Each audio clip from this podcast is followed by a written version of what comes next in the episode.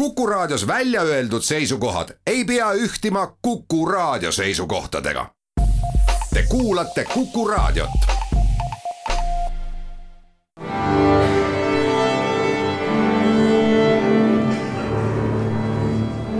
daamid ja härrad, Eesti Kontserdi saade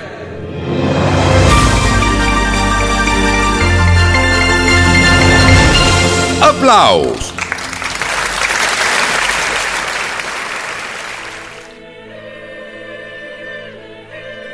Tere kõigile, Eesti Kontserdi saade Applaus, seekord siis lühema, ainult nädalase vahega eelmisest saatest ja mis seal salata, elu ja uudised on nii kiires muutumises, et muud moodi ei mängigi välja räägime Eesti Kontserdi hooaja avakontsertidest ja nagu juba nädal tagasi rääkisin, ei ole meil siin sel aastal üht hooaja avakontserti, vaid suurejooneline hooaja avalöök ja seda koguni kaks päeva järjest. lihtsalt on Eesti muusikaelus kaks olulist juubelit, millest kumbagi tähistamata jätmine tundub võimatu. Veljo Tormis üheksakümmend, Arvo Pärt kaheksakümmend viis. muide, kas teadsite, et Pärt oli kunagi Tormise kompositsiooniõpilane Tallinna Muusikakoolis? Tormise juubeli auks neljapäeval Estonia kontserdisaalis muusikalavastus Ringlemisi.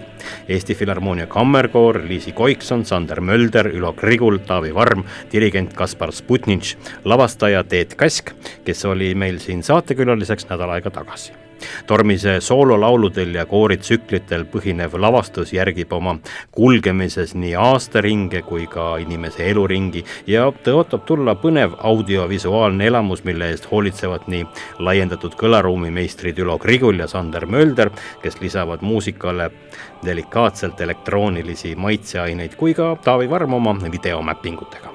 Loomulikult ka dirigent Kaspar Sputnitš, kes on kogu selle kontserdi idee autor neljapäeval Estonia kontserdisaalis, reedel Pärnu kontserdimajas ja laupäeval Vanemuise kontserdimajas.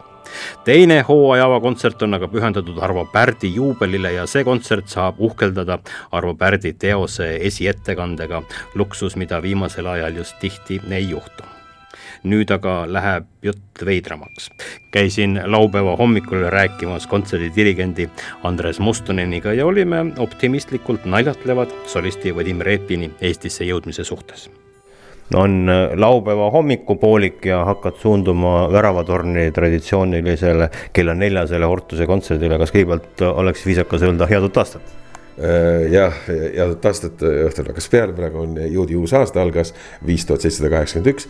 ja noh, Hortus on seda, kuna me oleme väga seotud, eks ole, juudi muusikaga ja Iisraeliga. siis me juba traditsiooniliselt kümmekond aastat tähistame juudi uut aastat. me ei räägi asjata sellest, et on laupäeva hommik, sest et me lähme kohe kontserdi juurde, mis on hooaja avakontsert. täiesti erakordne kontsert, kus solistiks on Vadim Repin ja Vadim Repin ei ole veel Eestis, kas on kõhetunne? ei ole. Ja noh, ta on niivõrd tugev mees, et ta mees, kes surub, surub raudustest läbi, kui vaja on tund hiljem paraku tuli uudis, et Repin on haiglasse uuringutele pandud, kuid selge on see, et, et sellises seisus Eestisse tulek on välistatud. käiku läheb plaan B, mille töötasime välja, kui aus olla, juba augusti keskpaiga poole. me lootsime, et see ei lähe käiku, aga see plaan on meil siiski olemas. reedene kontsert toimub, Pärdi uue teose La Sindone esiettekanne toimub, solistiks on Arvo Leibur ja Brochi viiulikontserdi asemel kõlab kontserdil Mozarti D-moll klaverikontsert, mille solistiks on Irina Zaharenkova, kes omakorda pidi seda mängima koos poolakate Amadeus orkestriga Pärnu kontserdimaja avakontserdil, kuid paraku jah, ka poolakate orkester jäi Eestisse tulemata. nii on, selle sügise kontserdielu märksõna on ootamatud muutused ja nendele muutustele operatiivne reageerimine ja loodame, et see kõik ka õnnestub.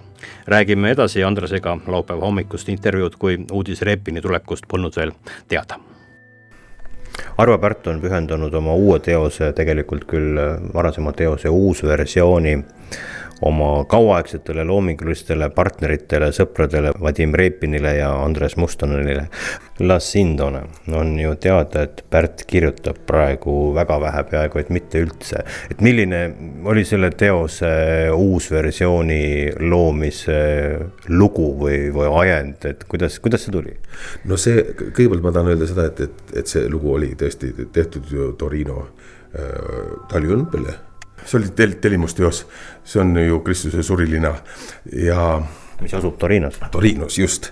ja ma haarasin sellest juba tollal väga ja ma olen seda teist versiooni ka palju teinud. see selline sisemine pinge, ma ütleksin, see, see tüüpiline sisemine dramaatika, mis on Pärdi muusikas. mida, mida kõikides lugudes ei, ei, ei osata välja leida, aga see on alati olemas. aga seal ta on väga-väga selgelt ja, ja muidugi noh, see eriline sensitiivne keskmine osa, kui see võetakse ristilt maha ja vot siis selle surilina puudutused ja kõik, kuidas see on muusikasse niisuguse sensitiivsesse mm, vormi äh, muusikalisse keelde pandud. ja no seal tekkis, tekkis nüüd nagu, nagu mõte, et noh, see peaks olema viiulikontsert. et see viiuli sensitiivne ja niisugune eh, tundlik, tundlik eh, hääl, tundlik mäng, mida võib-olla ei ole iga kord orkestriga lihtne saavutada, lihtsalt. et, et see annaks ja, ja muidugi nii, nii see sündis päris pika perioodi ajal. see ja see jõudis sinnani, et seda eelmist asja enam ei ole olemas, nii et nüüd on, nüüd on jäänud ainult see versioon. nii et seda enam ei saa nimetada mingiks uueks versiooniks, see ongi nüüd La Sindone ja see on siis sooloviiulile ja orkestrile kas ma saan õigesti aru, selle esiettekanne pidi toimuma kevadel, siis ta loomulikult ei toimunud. nüüd pidi toimuma Transsibiri festivalil septembri alguses, ka see kontsert jäi ära. kas, kas see ongi nüüd lõppude lõpuks äh, kujuneb välja, et, et see on selle teose esiettekanne? ei, see siiski tähendab äh,, kuna see on seotud Vadim Repiniga ja tema selle Transsibiri festivaliga, siis see toimus neljateistkümnendal septembril. ja noh, seda kantigi üle ja, ja, ja noh, me kõik nutsime, et mind seal ei ole sest meie, minu piirid on praegu Venemaaga kinni, me sinna keegi ei saa. nii et see on olemas, aga see nüüd on see, tuleb teine ettekanne ja ta on noh, nüüd me ütleme Eesti esiettekanne, aga sisuliselt ta tõesti nüüd selles koosluses, milleks, milleks Arvo Pärt seda oli mõelnud, tuleb ta nüüd nagu esi, esiettekanne Paavo Järve pidi Šveitsis ka tegema. Eh, samal ajal, Paavo Järvega oli, oli seesama probleem, et, et tal oli ju aastad tagasi juba oli, oli see orkestriversioon. aga, aga kuna Arvo selle, selle lõpetas, selle orkestriversiooni ära, siis, siis see satub, nii et me oleme eh, samadel päevadel, kui on, kui on Eestis, on see ka Zürichis see kontsert on äh, su enda jaoks veel mitmekski teises mõttes äh, tähenduslik ja eriline. Äh, selliste kontsertide kavad saavad kokku noh, aasta enne kontserdi toimumist, võib-olla isegi rohkem. nüüd on olukord, kus kevadel otsustasid sa selle kontserdi kava muuta ja lisada sinna Krzysztof Penderecki ja Anjus Dei. jaa äh Krzysztof Penderecki lahkus meie hulgas väga, väga raskel ajal, kus, kus koroona mölla, möllas ringi, nii et, et tegelikult tema suur niisugune riiklik või ülemaailmne matus on veel olemata.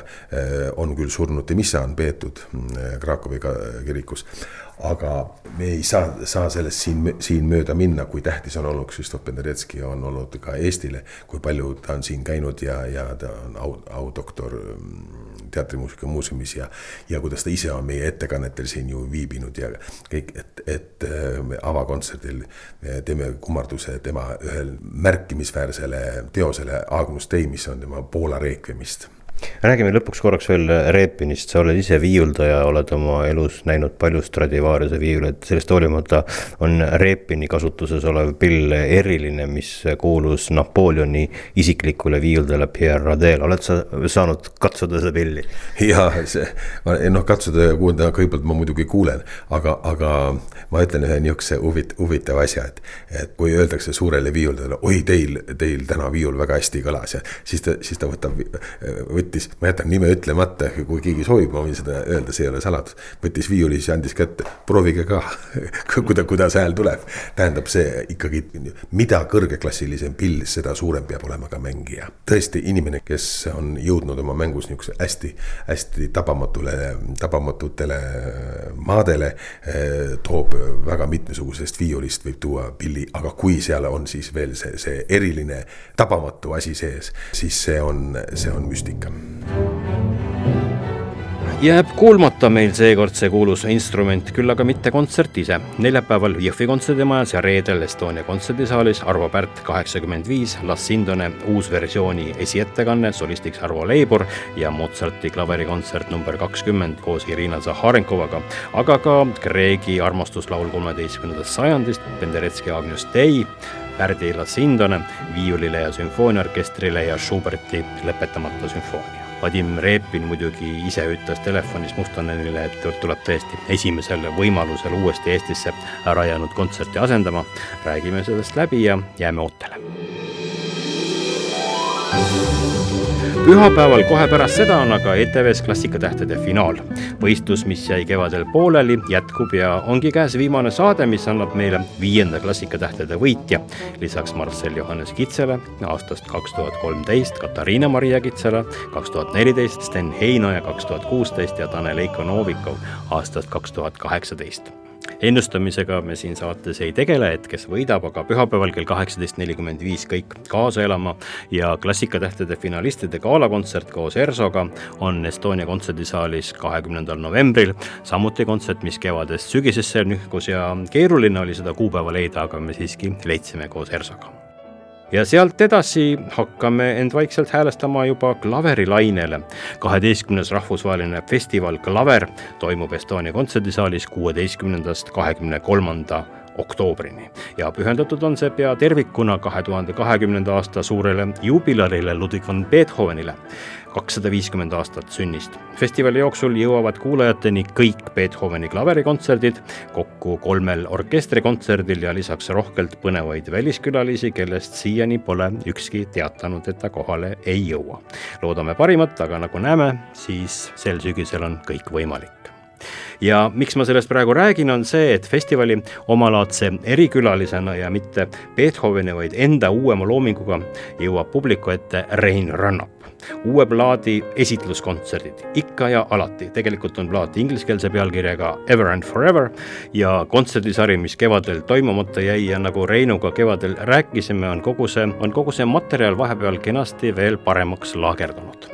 kontserte on palju, alates juba pühapäevast, kahekümne seitsmendast septembrist Võrus, Valgas, Raplas, Viljandis, Paides, Abjal ja muidugi ka Tallinnas, Tartus, Pärnus ja Jõhvis meie kontserdimajades festivali Klaver raames Tallinnas seitsmeteistkümnendal oktoobril.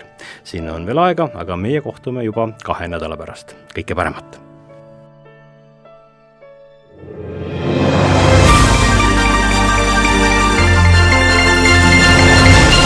aplaus